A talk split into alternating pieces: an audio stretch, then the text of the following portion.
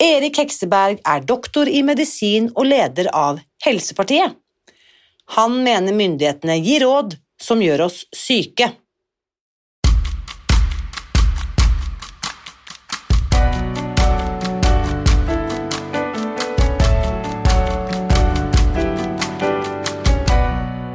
Mitt navn er Irina Lie. Jeg er journalist og forlegger, gründer og sosial entreprenør. I 2015 spiste jeg meg fri fra overvekt og fedme etter å ha slitt med vekt, kropp og følelser i nesten 30 år. Etter at jeg knakk koden, ga jeg meg selv et nytt oppdrag – å dele denne kunnskapen med alle som trenger det. I denne podkasten kan du derfor høre hele lydboken Spis deg fri, den finner du ved å bla deg tilbake i arkivet og lytte til første sesong. Hver uke inviterer jeg nå gjester som gir deg påfyll til hodet, hjertet og magen. For min visjon er å endre Helse-Norge, og det får jeg ikke til alene. Du bidrar ved å abonnere på podkasten, skrive en omtale i iTunes og tipse meg om hvem jeg burde invitere hit. Da setter vi i gang med ukens episode. Erik Hekseberg har tatt hele runden i norsk helsevesen. Han har studert medisin, han har forsket, jobbet for legemiddelindustrien og drevet privat legepraksis i mange år. Denne høsten stiller han for første gang til valg til Stortinget som leder og førstekandidat for Helsepartiet. Her er ukens gjest. Kjære Erik Hekseberg, tusen, tusen takk for at du hadde både tid og lyst til å være med på podkasten. Velkommen. Takk for at jeg får lov til å være med. Er jo, ditt navn er jo kjent, og har, det er så gøy at uh, vi har fått det til. For jeg har tenkt på deg Denne podkasten fyller jo nå to år i august. Og jeg har tenkt på deg Du har stått på min shortlist over navn jeg hadde lyst til å ta kontakt med veldig lenge. Men nå som du da er blitt leder av Helsepartiet, så har vi enda en god grunn. Så da tenkte jeg nå skal jeg ikke la anledningen gå fra meg. Eh, og før vi dykker inn i politikken, så må vi få en liten sånn bio for de som ikke kjenner til deg eller vet om deg. Kan ikke du fortelle litt eh, om deg selv? Ja, Kortversjonen. Jeg, eh, jeg er utdannet lege fra Universitetet i Bergen. Ferdig der i 83. Og har en doktorgrad derfra i 1990 som handler om hvordan hjertet trekker seg sammen. Eh, så forsket jeg videre, og eh, til sammen har jeg forsket ved Universitetet i Bergen i ca. ti år. Før jeg gikk over i mer klinisk virke, og jeg er spesialist i indremedisin. Så har jeg også ti år i legemiddelindustrien, som eh, i ulike stillinger, men i hovedsak som medisinsk direktør. Slik at jeg kjenner den delen av eh, medisinene også. Men så syns jeg at eh, min kone gjorde for mye spennende ting. Hun var begynt å oppdage kostholdets muligheter.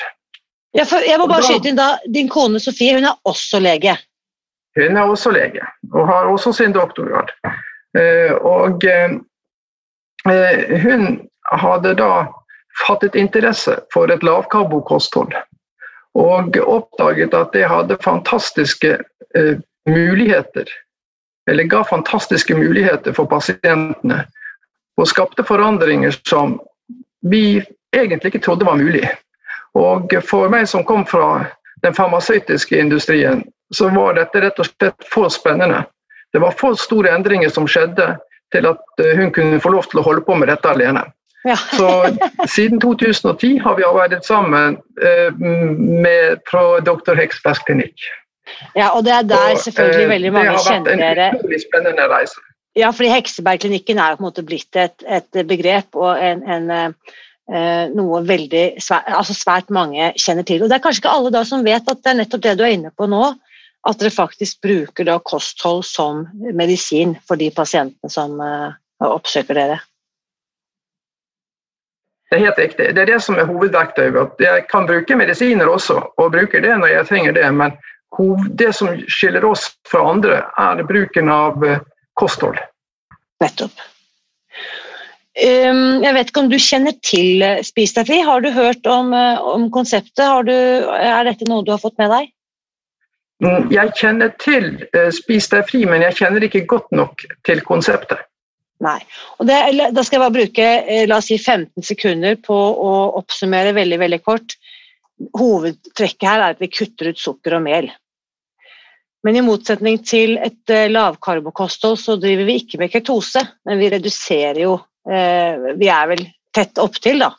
Men det er jo det at vi har kuttet sukkeret og alle typer mel, så er vi jo så å si uh, og, vår erfaring, uten at jeg har noe som helst, ikke et eneste vekttall i medisin, det jeg ser etter å ha eh, gitt ut disse bøkene i fire år eh, om Spis deg fri, og også veiledet tusenvis etter hvert, at de spiser seg jo fri fra alt av helse, kostholdsrelaterte helseplager. Og det er jo helt utrolig. Mm. Men det er, det er, jo et lavkarbokosthold, det du skisserer. Og i tillegg har du bort uh, mel, og da har du bort gluten. Og det er også en tilleggseffekt. Ja, men Vi får vel i oss gluten i en del andre matvarer, hvis ikke jeg tar helt feil, for vi spiser jo korn. Eh, men det er også dette melet da vi, vi ikke spiser. Så, ja, så... Men det vil si at du spiser korn, så du har gluten inn i kornproduktene. Greit. Vi, og vi spiser også frukt, og vi spiser banan, og vi spiser Så jeg vet ikke om det er Ettersom vi ikke kommer inn i denne ketonen altså Vi er jo veldig lave på karbo, det er det ingen tvil om. Men vi spiser alt av grønnsaker og frukt og, og den slags. Da. Så det er ja. noen klare forskjeller, men og, helseeffektene er jo veldig sammenfallende. Mm. Ja, og det er klart at uh, det er jo litt sånn I Helsepartiet så har vi jo den, som jeg da er blitt eh, leder av, så har vi jo da den filosofien at vi må ha en mye mer individuell tilnærming til kostholdet. Mm. Fordi at vi er forskjellige. Ja, og, og for mange Ja? Nei, du først. Unnskyld. Mm.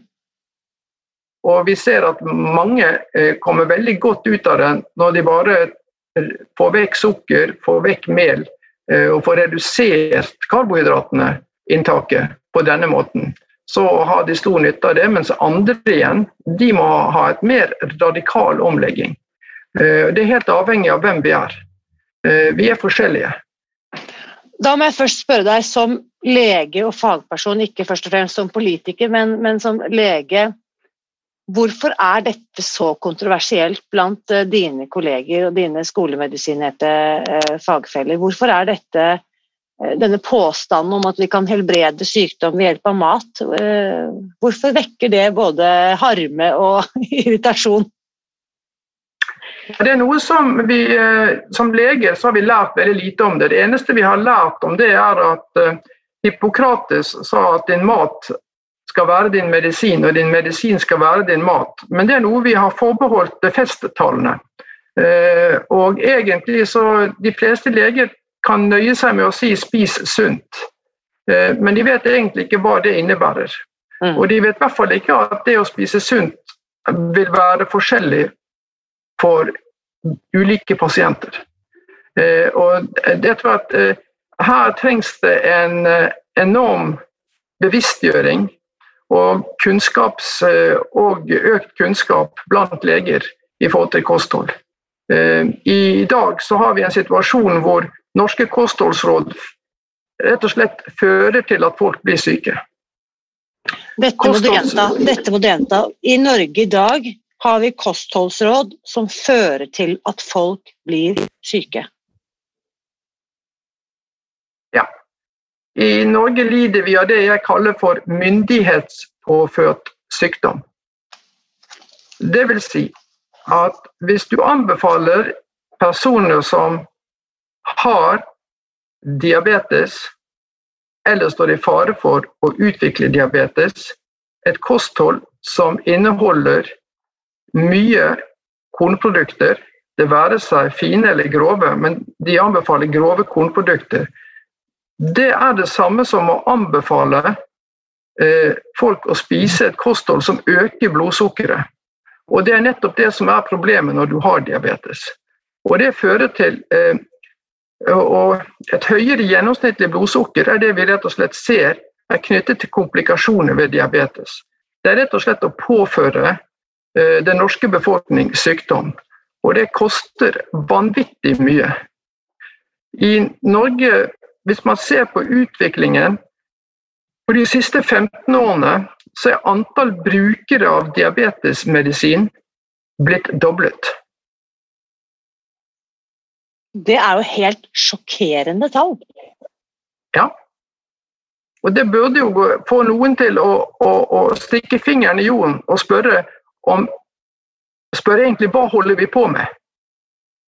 Eh, men vi, eh, vi er på Ja, jeg vil si at norsk helse er på vei til helvete på første klasse. Mm. Eh, det er fullstendig, det er fullstendig galskap, det som foregår. Det, altså jeg, jeg, jeg, blir det er sjelden jeg på en måte mister munn og mæle, men når du med din fagkompetanse og doktorgrad i bånn og alt dette her sier akkurat disse tingene, så slår det veldig, veldig hardt. Det må jeg jo bare si. Eh, og da også et presiseringsspørsmål. Når du sier bruken av diabetesmedisin, da snakker vi diabetes type 2, for jeg får alltid pepper hvis jeg bare snakker om diabetes. Diabetes type 2-medisin, det er det vi snakker om. Vi snakker egentlig om generell diabetesmedisin, men veksten skyldes diabetes. Eh, den store veksten, det store volumet her, er eh, diabetes type 2.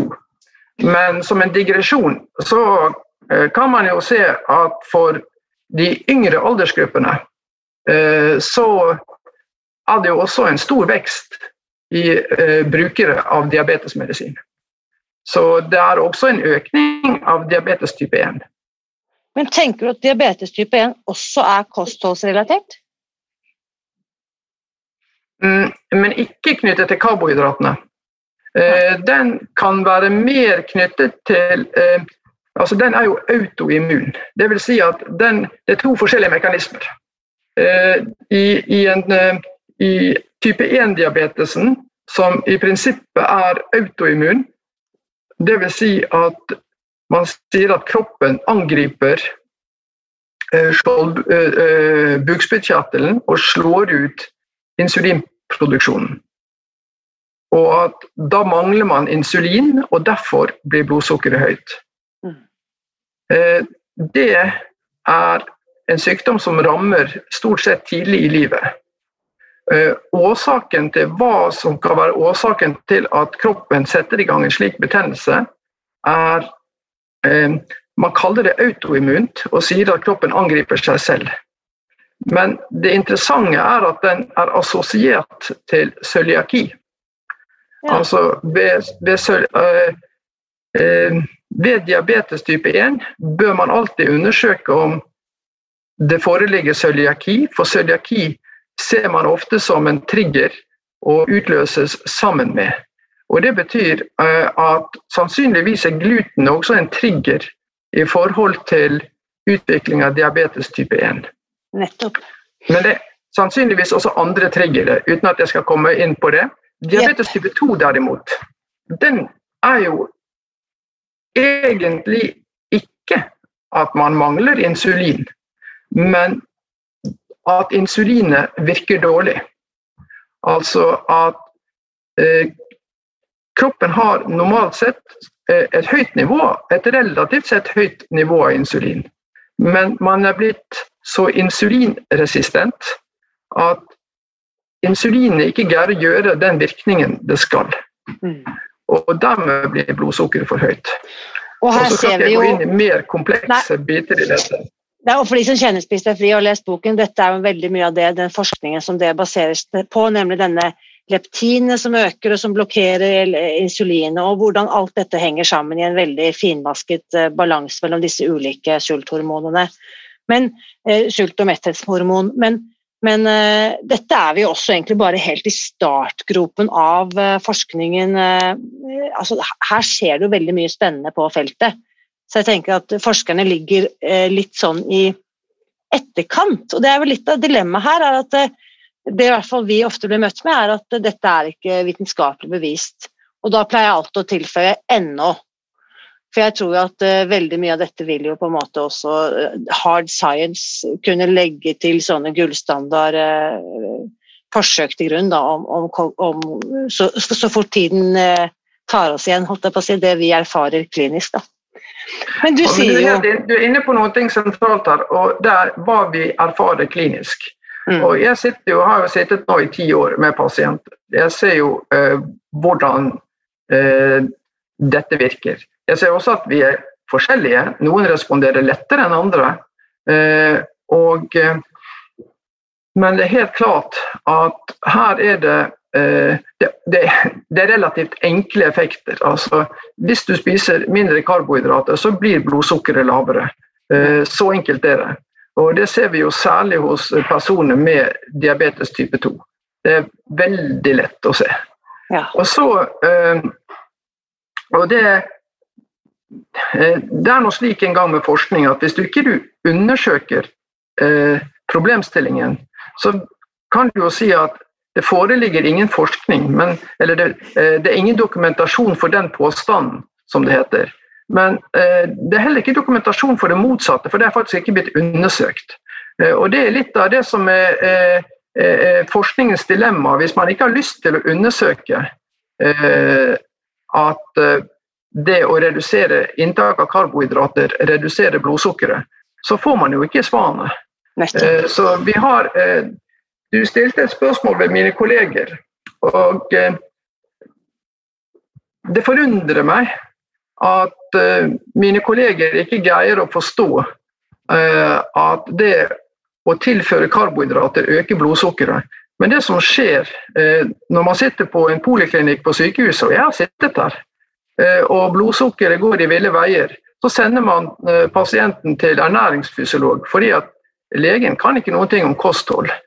Og Så får den en, en, en, runde hos ernæringsfysiolog som sier at de må spise mer grove kornprodukter. Eh, og det eh, Pasienten eh, blir bare mer fortvilet, fordi at blodsukkeret blir bare enda høyere. Ja. Og må ha mer medisiner. Og dette her er en forferdelig dårlig øvelse.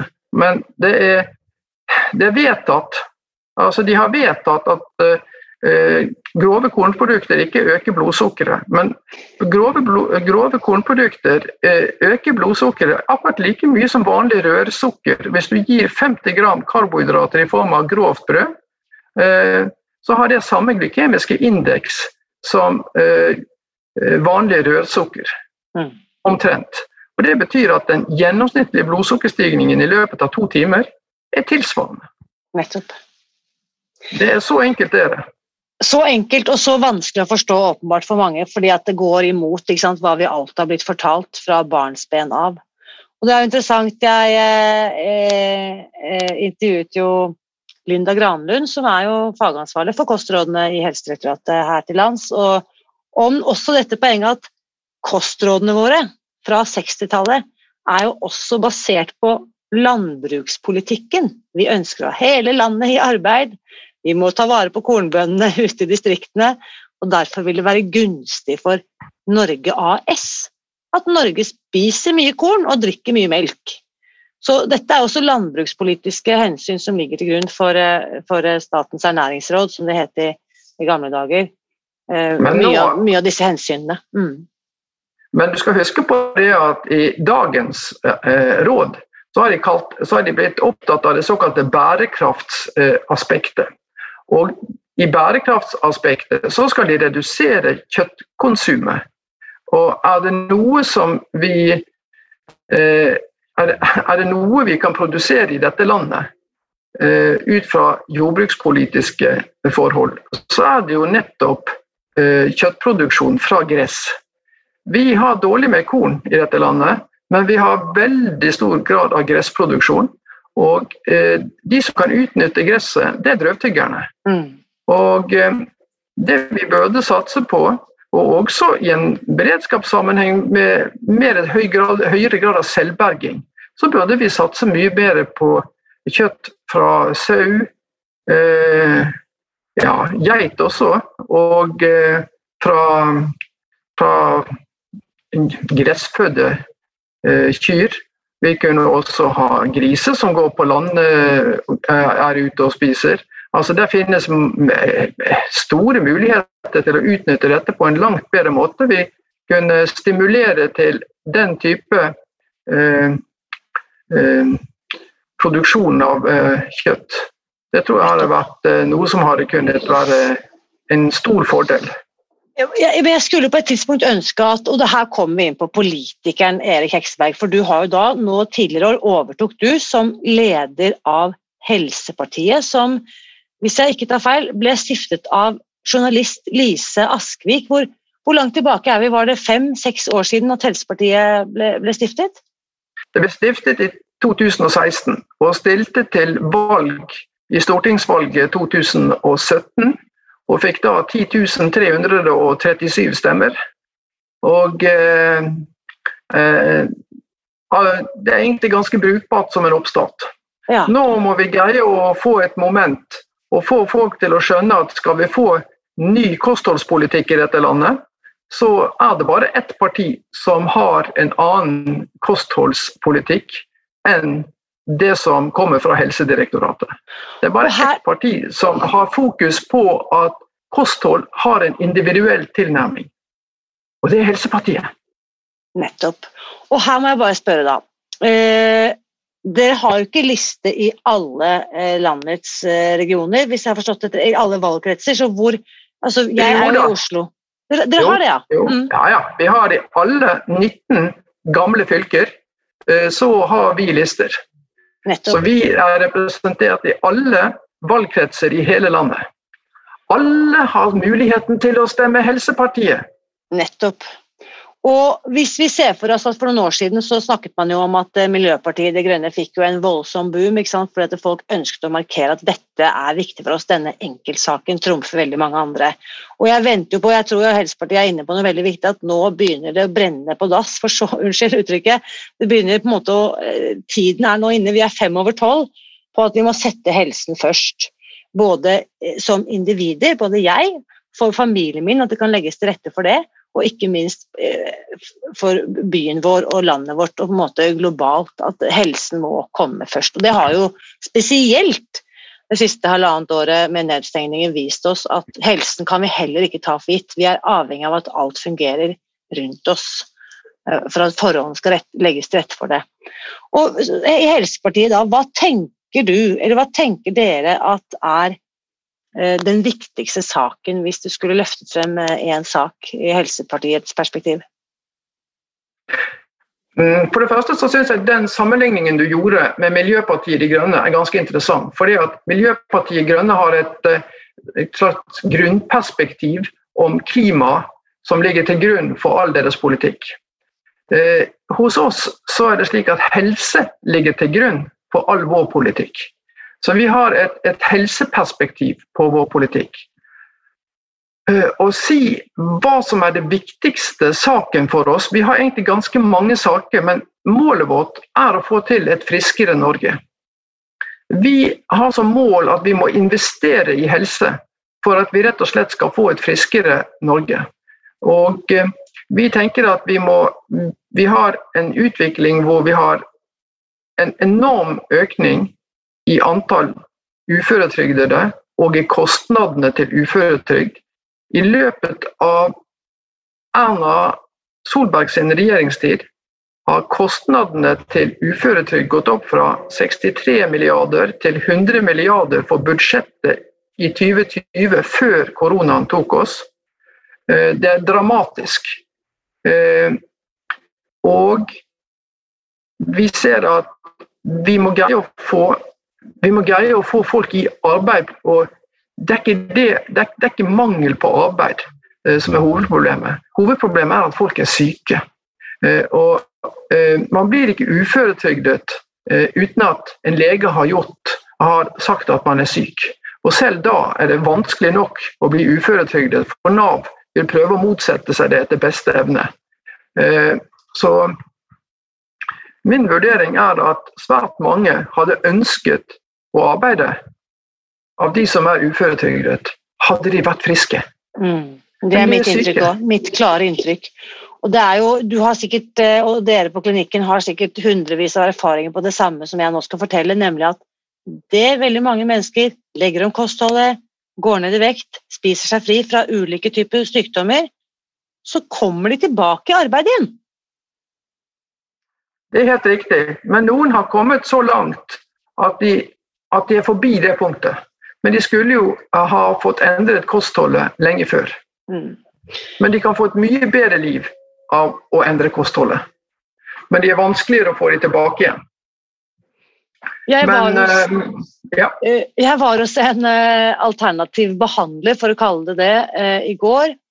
Og nevnte da at jeg skulle snakke med deg i dag. Og så sier han hadde jeg vært helseminister for en dag, så ville jeg ha startet med å, som lege, da altså, alle, Så ville han ha foreslått at alle leger det første de skal gjøre når de møter pasienten, er å kjenne på pasienten.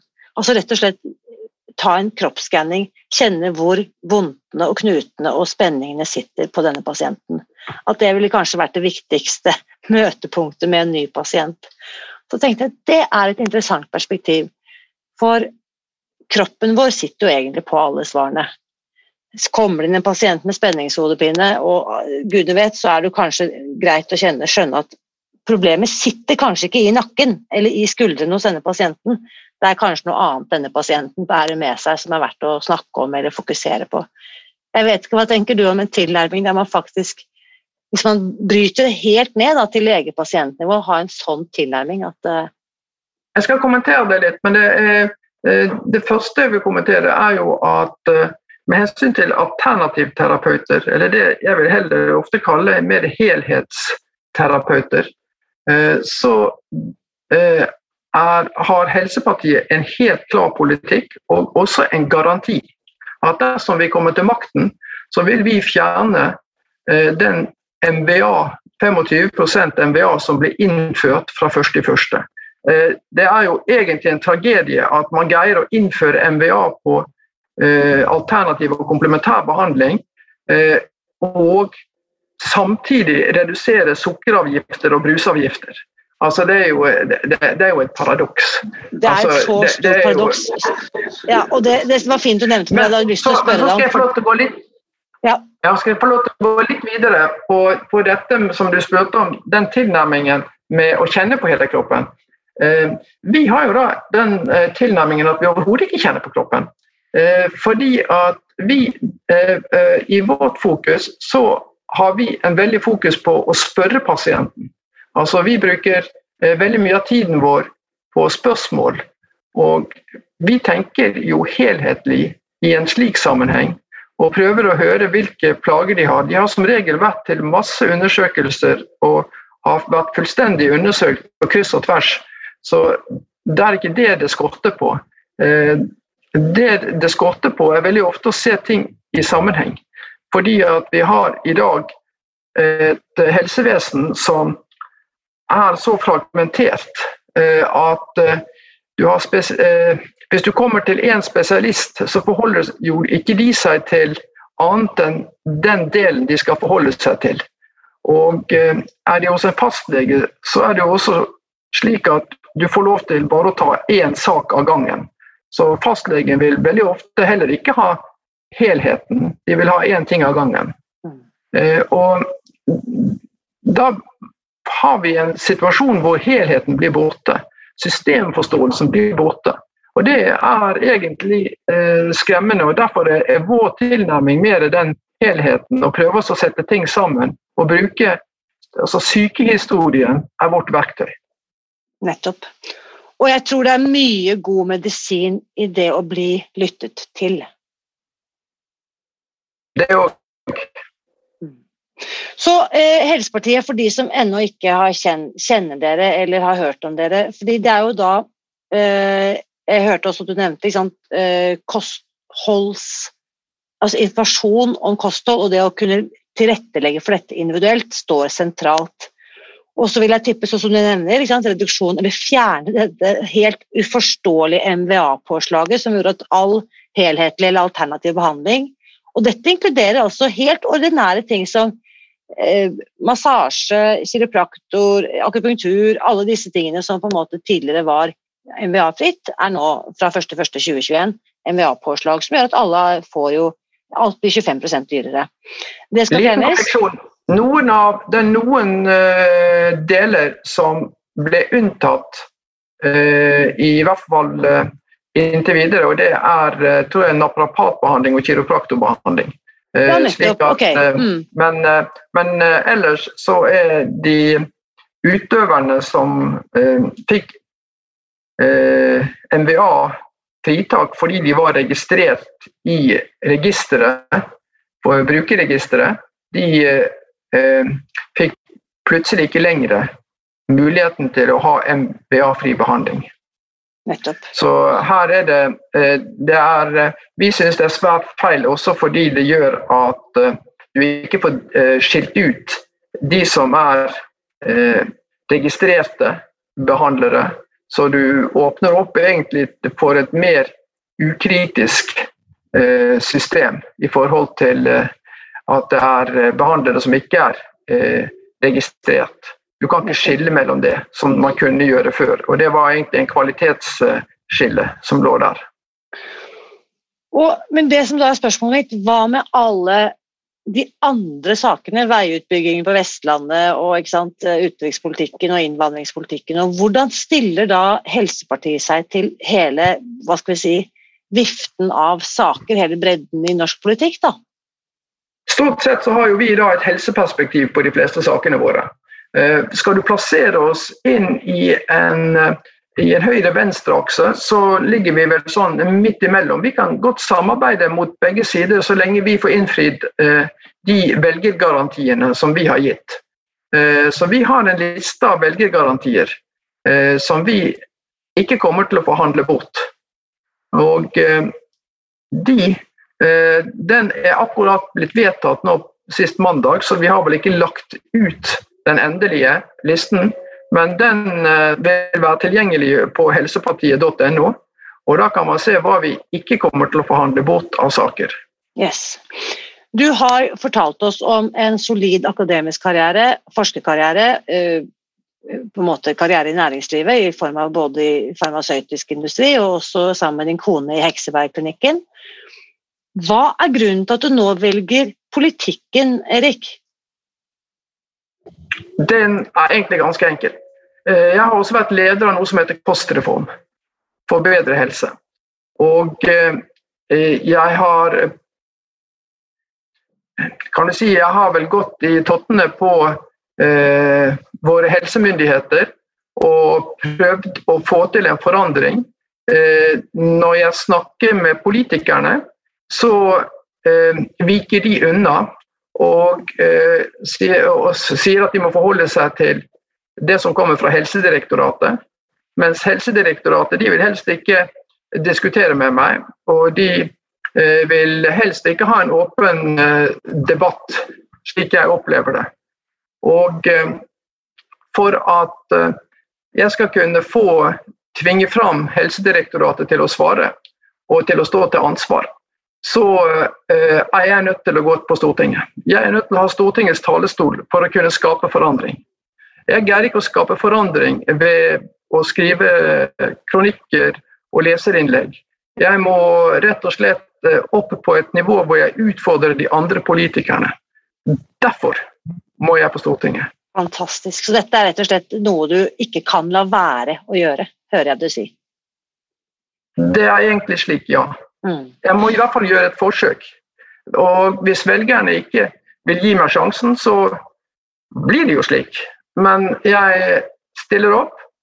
Eh, hvis velgerne gir meg muligheten, så skal jeg eh, ta dette fra Stortingets talerstol og skape forandring. Fantastisk Målet mitt er selvfølgelig egentlig å bli helseminister, men eh, det, det, jeg må i hvert fall ta det fra Stortingets talerstol. Og, og det, jeg har jo veldig troen på det å si ting høyt og bare være så hårete og si at ja, jeg skal bli helseminister. Det, jeg har jo sett sånne ting skje mange ganger tidligere. Så det er jo kjempeinspirerende, syns jeg, da, at du er så modig å, å, si det så rett ut. Eh, jeg har tro på at det gir kraft, et momentum i seg selv, som du også nevnte tidligere. Og helsemyndighetene, fordi Spis deg fri handler jo Én ting er disse kostholdsrelaterte helseplagene som vi har vært inne på. Jeg snakker jo aldri om diagnoser, jeg, gir jo aldri noen løfter eller lovnader om noe som helst i forhold til spesifikke diagnoser. Vi, vi har jo masse eksempler på alt det vi allerede har snakket om. Uh, men det som jeg kan garantere, er jo at hvis man følger et, eh, en kostplan da, slik vi presenterer den, så går man ned i vekt hvis det er et ønske. Um, mens helsemyndighetenes råd om å, å, redusere vekten, det er jo å spise mindre og bevege seg mer. Det er på en måte gullstandarden. Hvis du går inn på helsedirektoratet.no i dag, så er det det som står anbefalt for de som ønsker å gå ned i vekt. Hva tenker du om et sånt råd, å spise mindre og bevege seg mer? Du må gjerne bevege deg mer, det er eh, gunstig i alle sammenhenger. Det er ikke noe negativt til å bevege seg mer. Men eh, det eh, rådet med å bare spise mindre hvis du spiser feil, så for det første så er det skrekkelig vanskelig å opprettholde et vekttap på den måten. Det, det, er, det, det, er så godt som ingen som greier. Så det er en veldig fin måte å starte veien sin på vei mot fedmeoperasjon. Og der har vi jo eh, ca. 3000 av de i året. Og det katastrofale er jo at eh, de som bedriver disse fedmeoperasjonene, de eh, fraråder et eh, lavkarbokosthold. Eh, slik at de får jo ikke sjansen til å forsøke et lavkarbokosthold og se om de kan gå ned i vekt før man eh, går til kirurgiske inngrep og det er rett og slett etter min mening fullstendig uetisk. Der er vi så enige, og jeg har hatt så mange krangler med de som holder på med disse fedmeoperasjonene i Norge. Nettopp det at eh, Hvorfor ikke gi dem et alternativ som de uansett vil ha bruk for dersom de likevel skulle opereres? Ved at de har lært litt mer om kosthold og hvordan dette påvirker kroppen deres det er, det er jo gunstig uansett, for vi, vi, vet jo begge to nok av pasienthistorier om mennesker som har gjennomgått fedmeoperasjon, og noen år eller et tiår etterpå er tilbake på like høy vekt eller enda høyere. Ja, og de som ikke går opp i vekt, de har som regel lagt om kostholdet til et lavkarbokosthold. Nettopp. ikke sant? Så eh, det, og Du sier 3000, men da tar du bare med de offentlige operasjonene. fordi det er jo et minst like høyt antall som opererer seg privat, pluss et enormt stort mørketall som reiser til utlandet og gjennomfører disse operasjonene. Ok, Du, du mener at vi snakker om eh, godt over 6000 per år? Per år, ja. Mye ja. mer. Og vi hadde en, hadde en uh, professor fra NTNU som uh, hun omtalte seg selv som fedmedronningen, for dette hadde hun forsket på i mange år. Og vi regnet ut at i løpet av disse hva er det da 30 årene pluss Det ble noe eksperimentell behandling på 60-tallet hvor slankeoperasjoner ble innført i Norge, men det har blitt opp, altså tilbudt som en behandling i 30 pluss år i Norge. Og i hvert fall 50 000 mennesker er operert, regnet vi oss frem til. Så det vil si at 1 da, av Norges befolkning er slankeoperert. Ja, hvis du sier også at uh, vi snakker om 6000 pluss, så er det svarende til 10% av et årskull.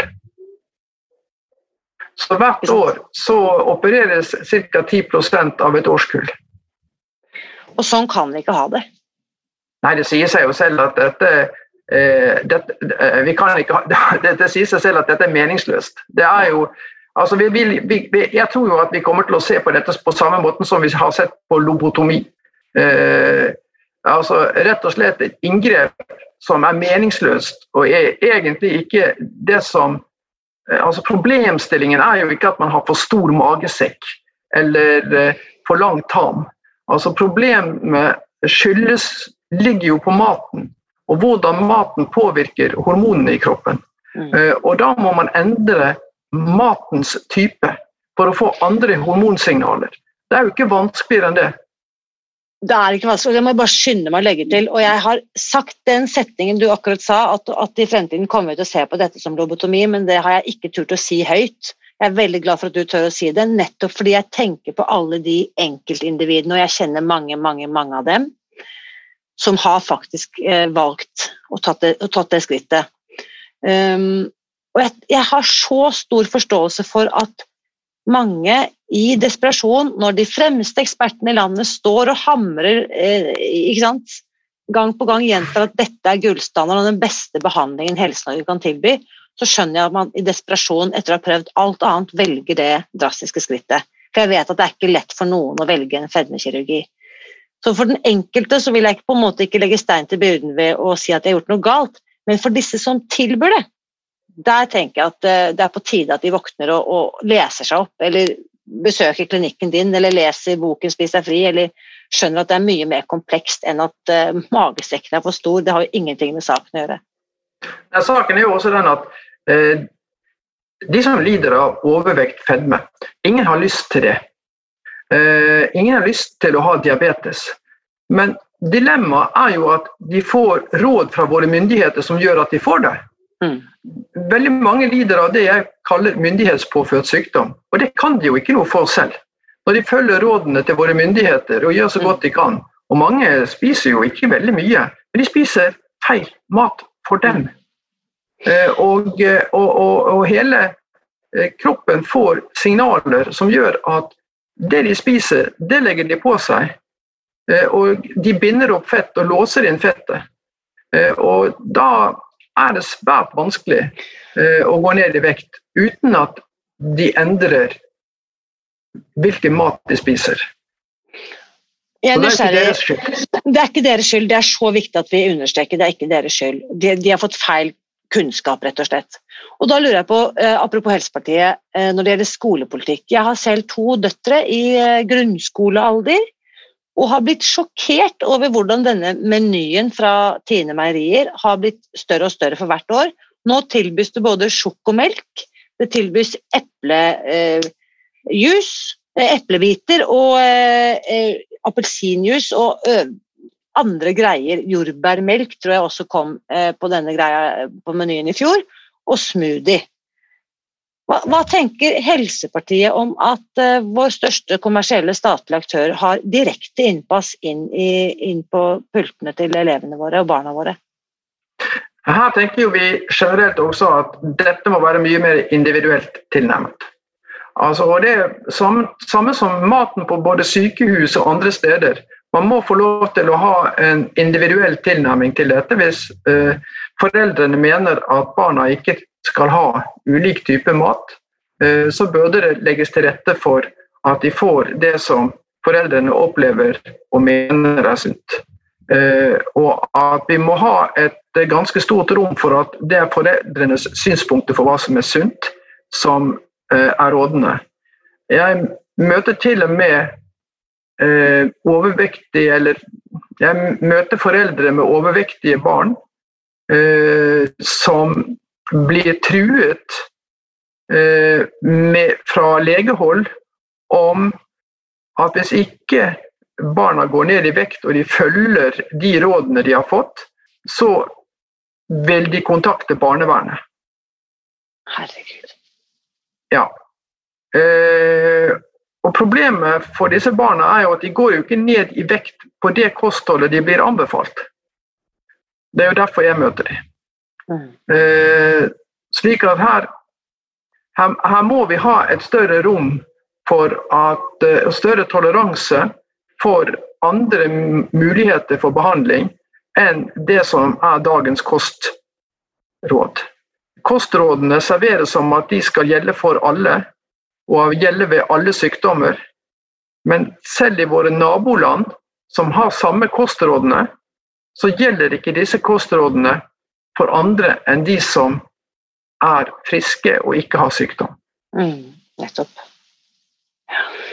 Nei, det er utrolig mye eh, er, Jeg kjenner, et, jeg kjenner et, eh, et, hastverk. Eh, det haster å få denne kunnskapen ut. Og endringen kan ikke komme fort nok. Det var en som sammenlignet dette, men du kjenner helt sikkert til dr. Robert Lustig i, i USA, som er en foregangsfigur i dette feltet her. Og han sammenlignet det med kampen mot tobakksindustrien.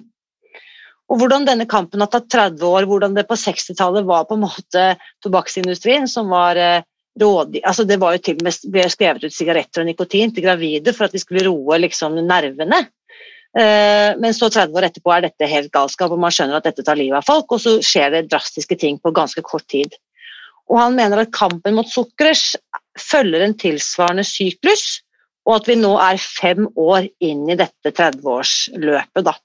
Jeg vet ikke om du har noen uh, refleksjoner rundt uh, hans eh, Jo, jeg tror vi er inne i det, og der er jo Ved Stanford så har de et, de samme folkene som drev detektivjakt i forhold til sigarettindustrien, de driver da en detektivjakt i forhold til sukkerindustrien. Mm. Og ser på dokumenter og ser at her er det jo juks og bedrag eh, i, fra sukkerindustrien. Eh, men eh, bl.a.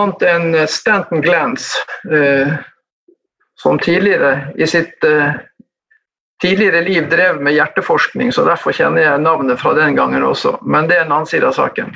Eh, eh, jeg tror at det man også unnlater her å ta med, det er jo at vi har masse karbohydrater som blir til sukker fra ulike kornprodukter og frukt osv., som også når først problemet er der, blir for mye.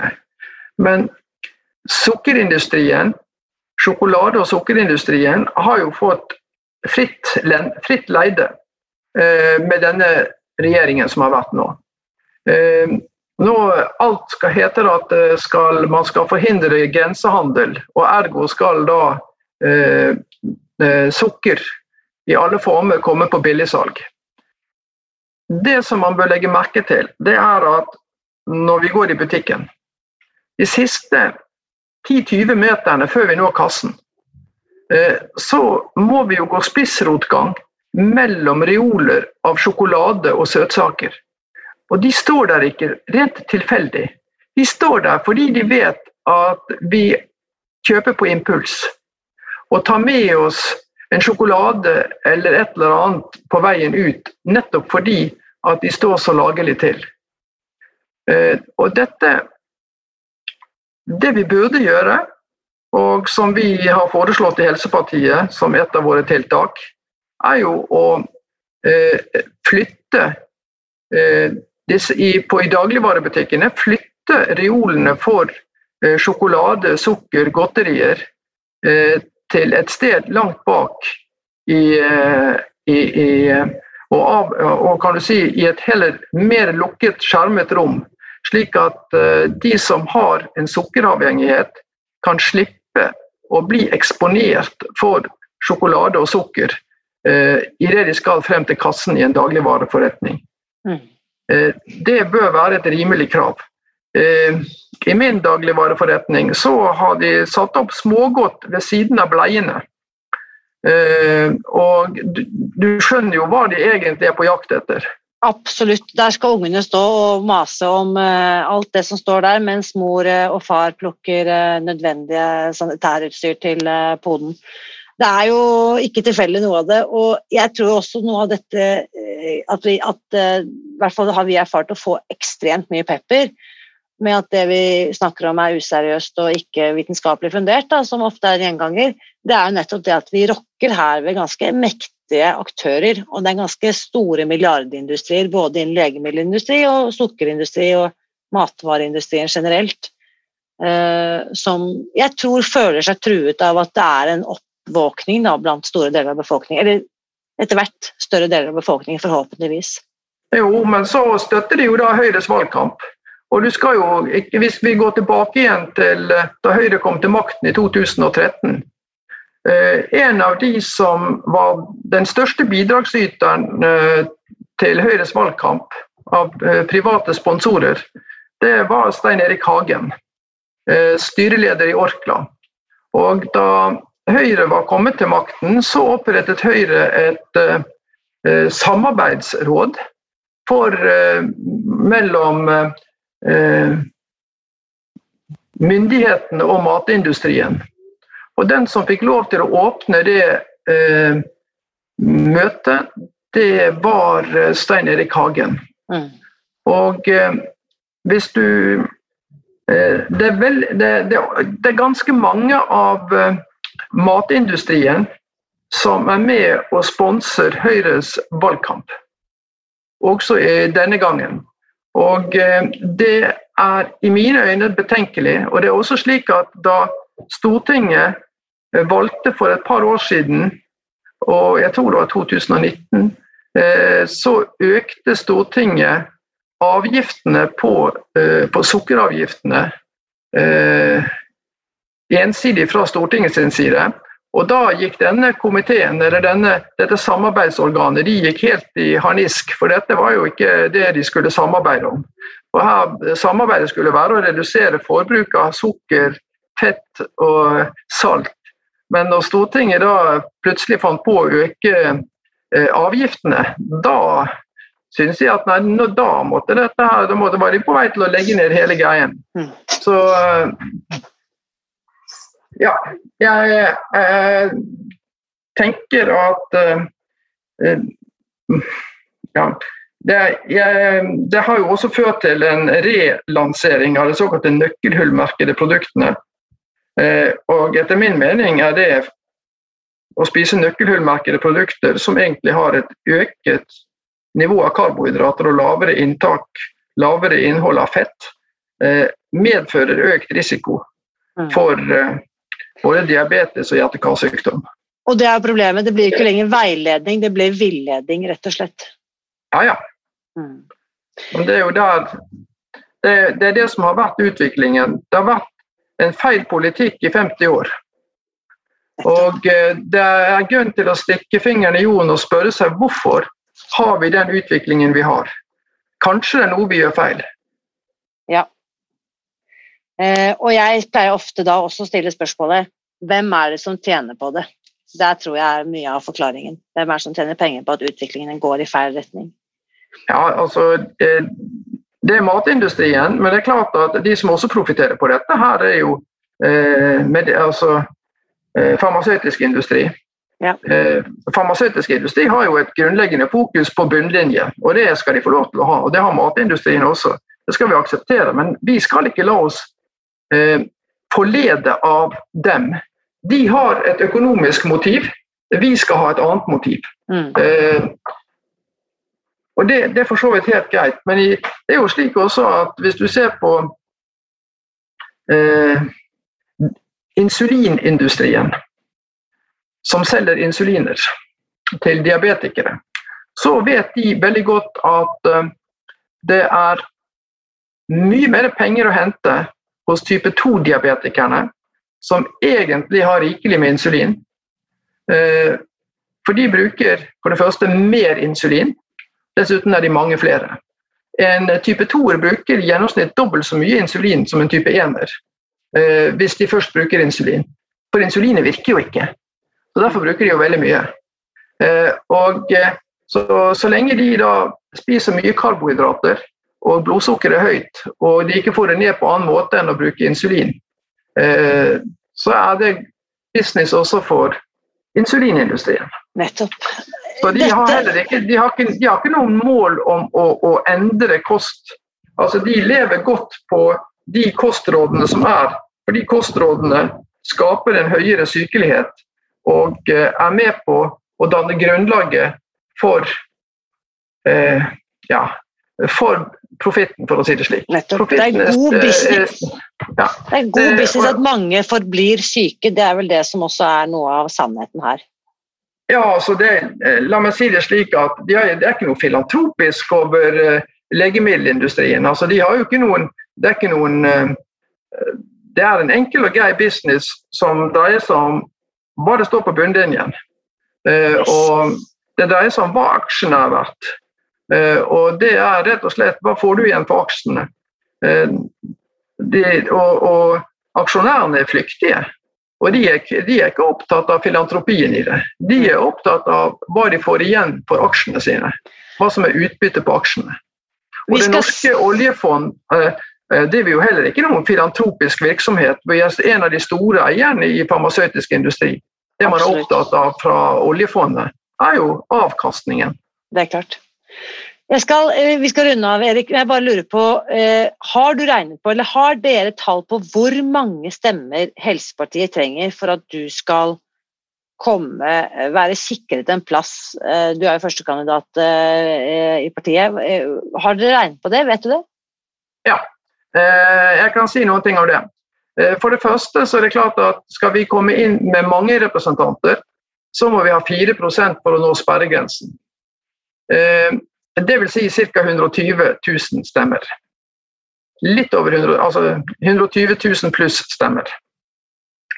Eh, skal jeg komme inn i Akershus, som, er, eh, som har eh, 18 direktevalgte representanter, eh, så er det mulig å komme inn uten at vi har nådd sperregrensen på 4 eh, eh, Hvis jeg får 13 000 stemmer i Akershus, så er det høyst sannsynlig tilstrekkelig til at jeg kommer inn på Stortinget. Og da er det viktig, for Dette er litt forvirrende for folk, for dette, de gamle fylkesgrensene gjelder fortsatt ved stortingsvalget. Selv om det er de på, korrekt. Dette er jo det er ikke liksom da, da er det ikke Viken som gjelder, selv om du bor i Viken. Men, men uh, da er det det gamle Akershus fylke som gjelder. Så alle dere som bor der, har nå skjønt at uh, dette er sånn som eh, kan være avgjørende for hvorvidt Erik skal sitte på tinget til høsten eller ikke. Og jeg vet at du uansett ikke blir arbeidsledig, det er jo ikke det. Men det hadde jo vært veldig veldig spennende å fått inn den klare klare stemmen til Helsepartiet blant de folkevalgte i de neste fire år. Ja, jeg tror det er nødvendig. En annen ting eh, De store partiene prøver jo å late som at man kaster bort stemmen eh, ved å stemme på et i utgangspunkt lite parti. Eh, de små partiene har som regel Nei, de store partiene har som regel vært små før de ble store. Og så er det en ting til som er veldig viktig å vite, at det eksisterer noe som heter partistøtte.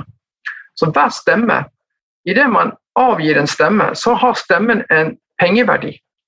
Eh, den gir ca. 100 kroner per år i de fire neste årene til det partiet man stemte på. Slik at hver stemme har en verdi på 400 kroner. Nettopp.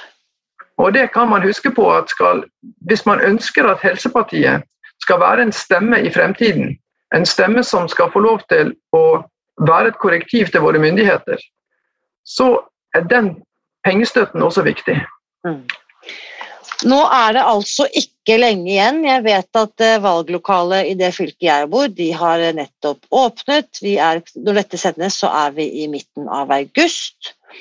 Og eh, valgdagen er bare uker eh, unna. Jeg skal ikke spørre deg hva du skal stemme, men jeg kan i hvert fall si at jeg skal stemme. Det syns jeg alle bør gjøre. Valgdagen er altså mandag 13. september. Så eh, hvis ikke du har bestemt deg Nå har vi gjennom eh, de siste ukene av sommeren her intervjuet eh, ulike helsepolitikere fra mange partier, og jeg er kjempeglad for at du og jeg fikk tatt denne praten i dag, Erik. Og er det noe du vil si som en siste oppmuntring da, til våre lyttere som straks skal gå av gårde til valgurnene? Da må jeg jo bare si godt valg. Godt valg.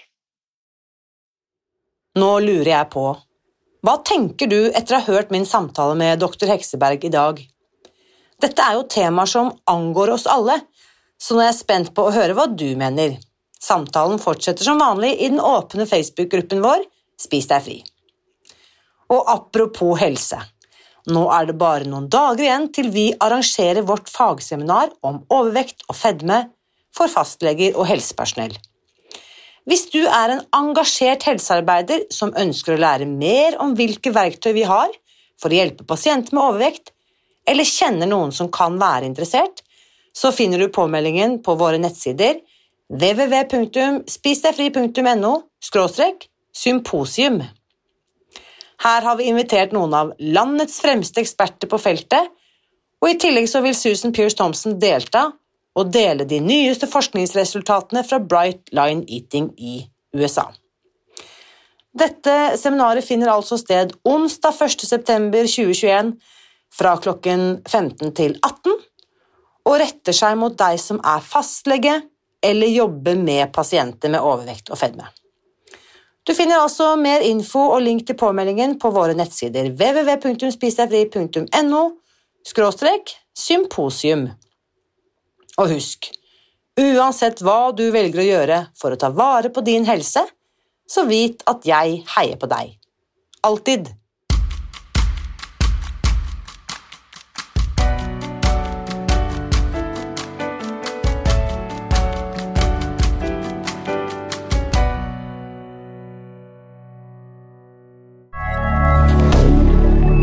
Media.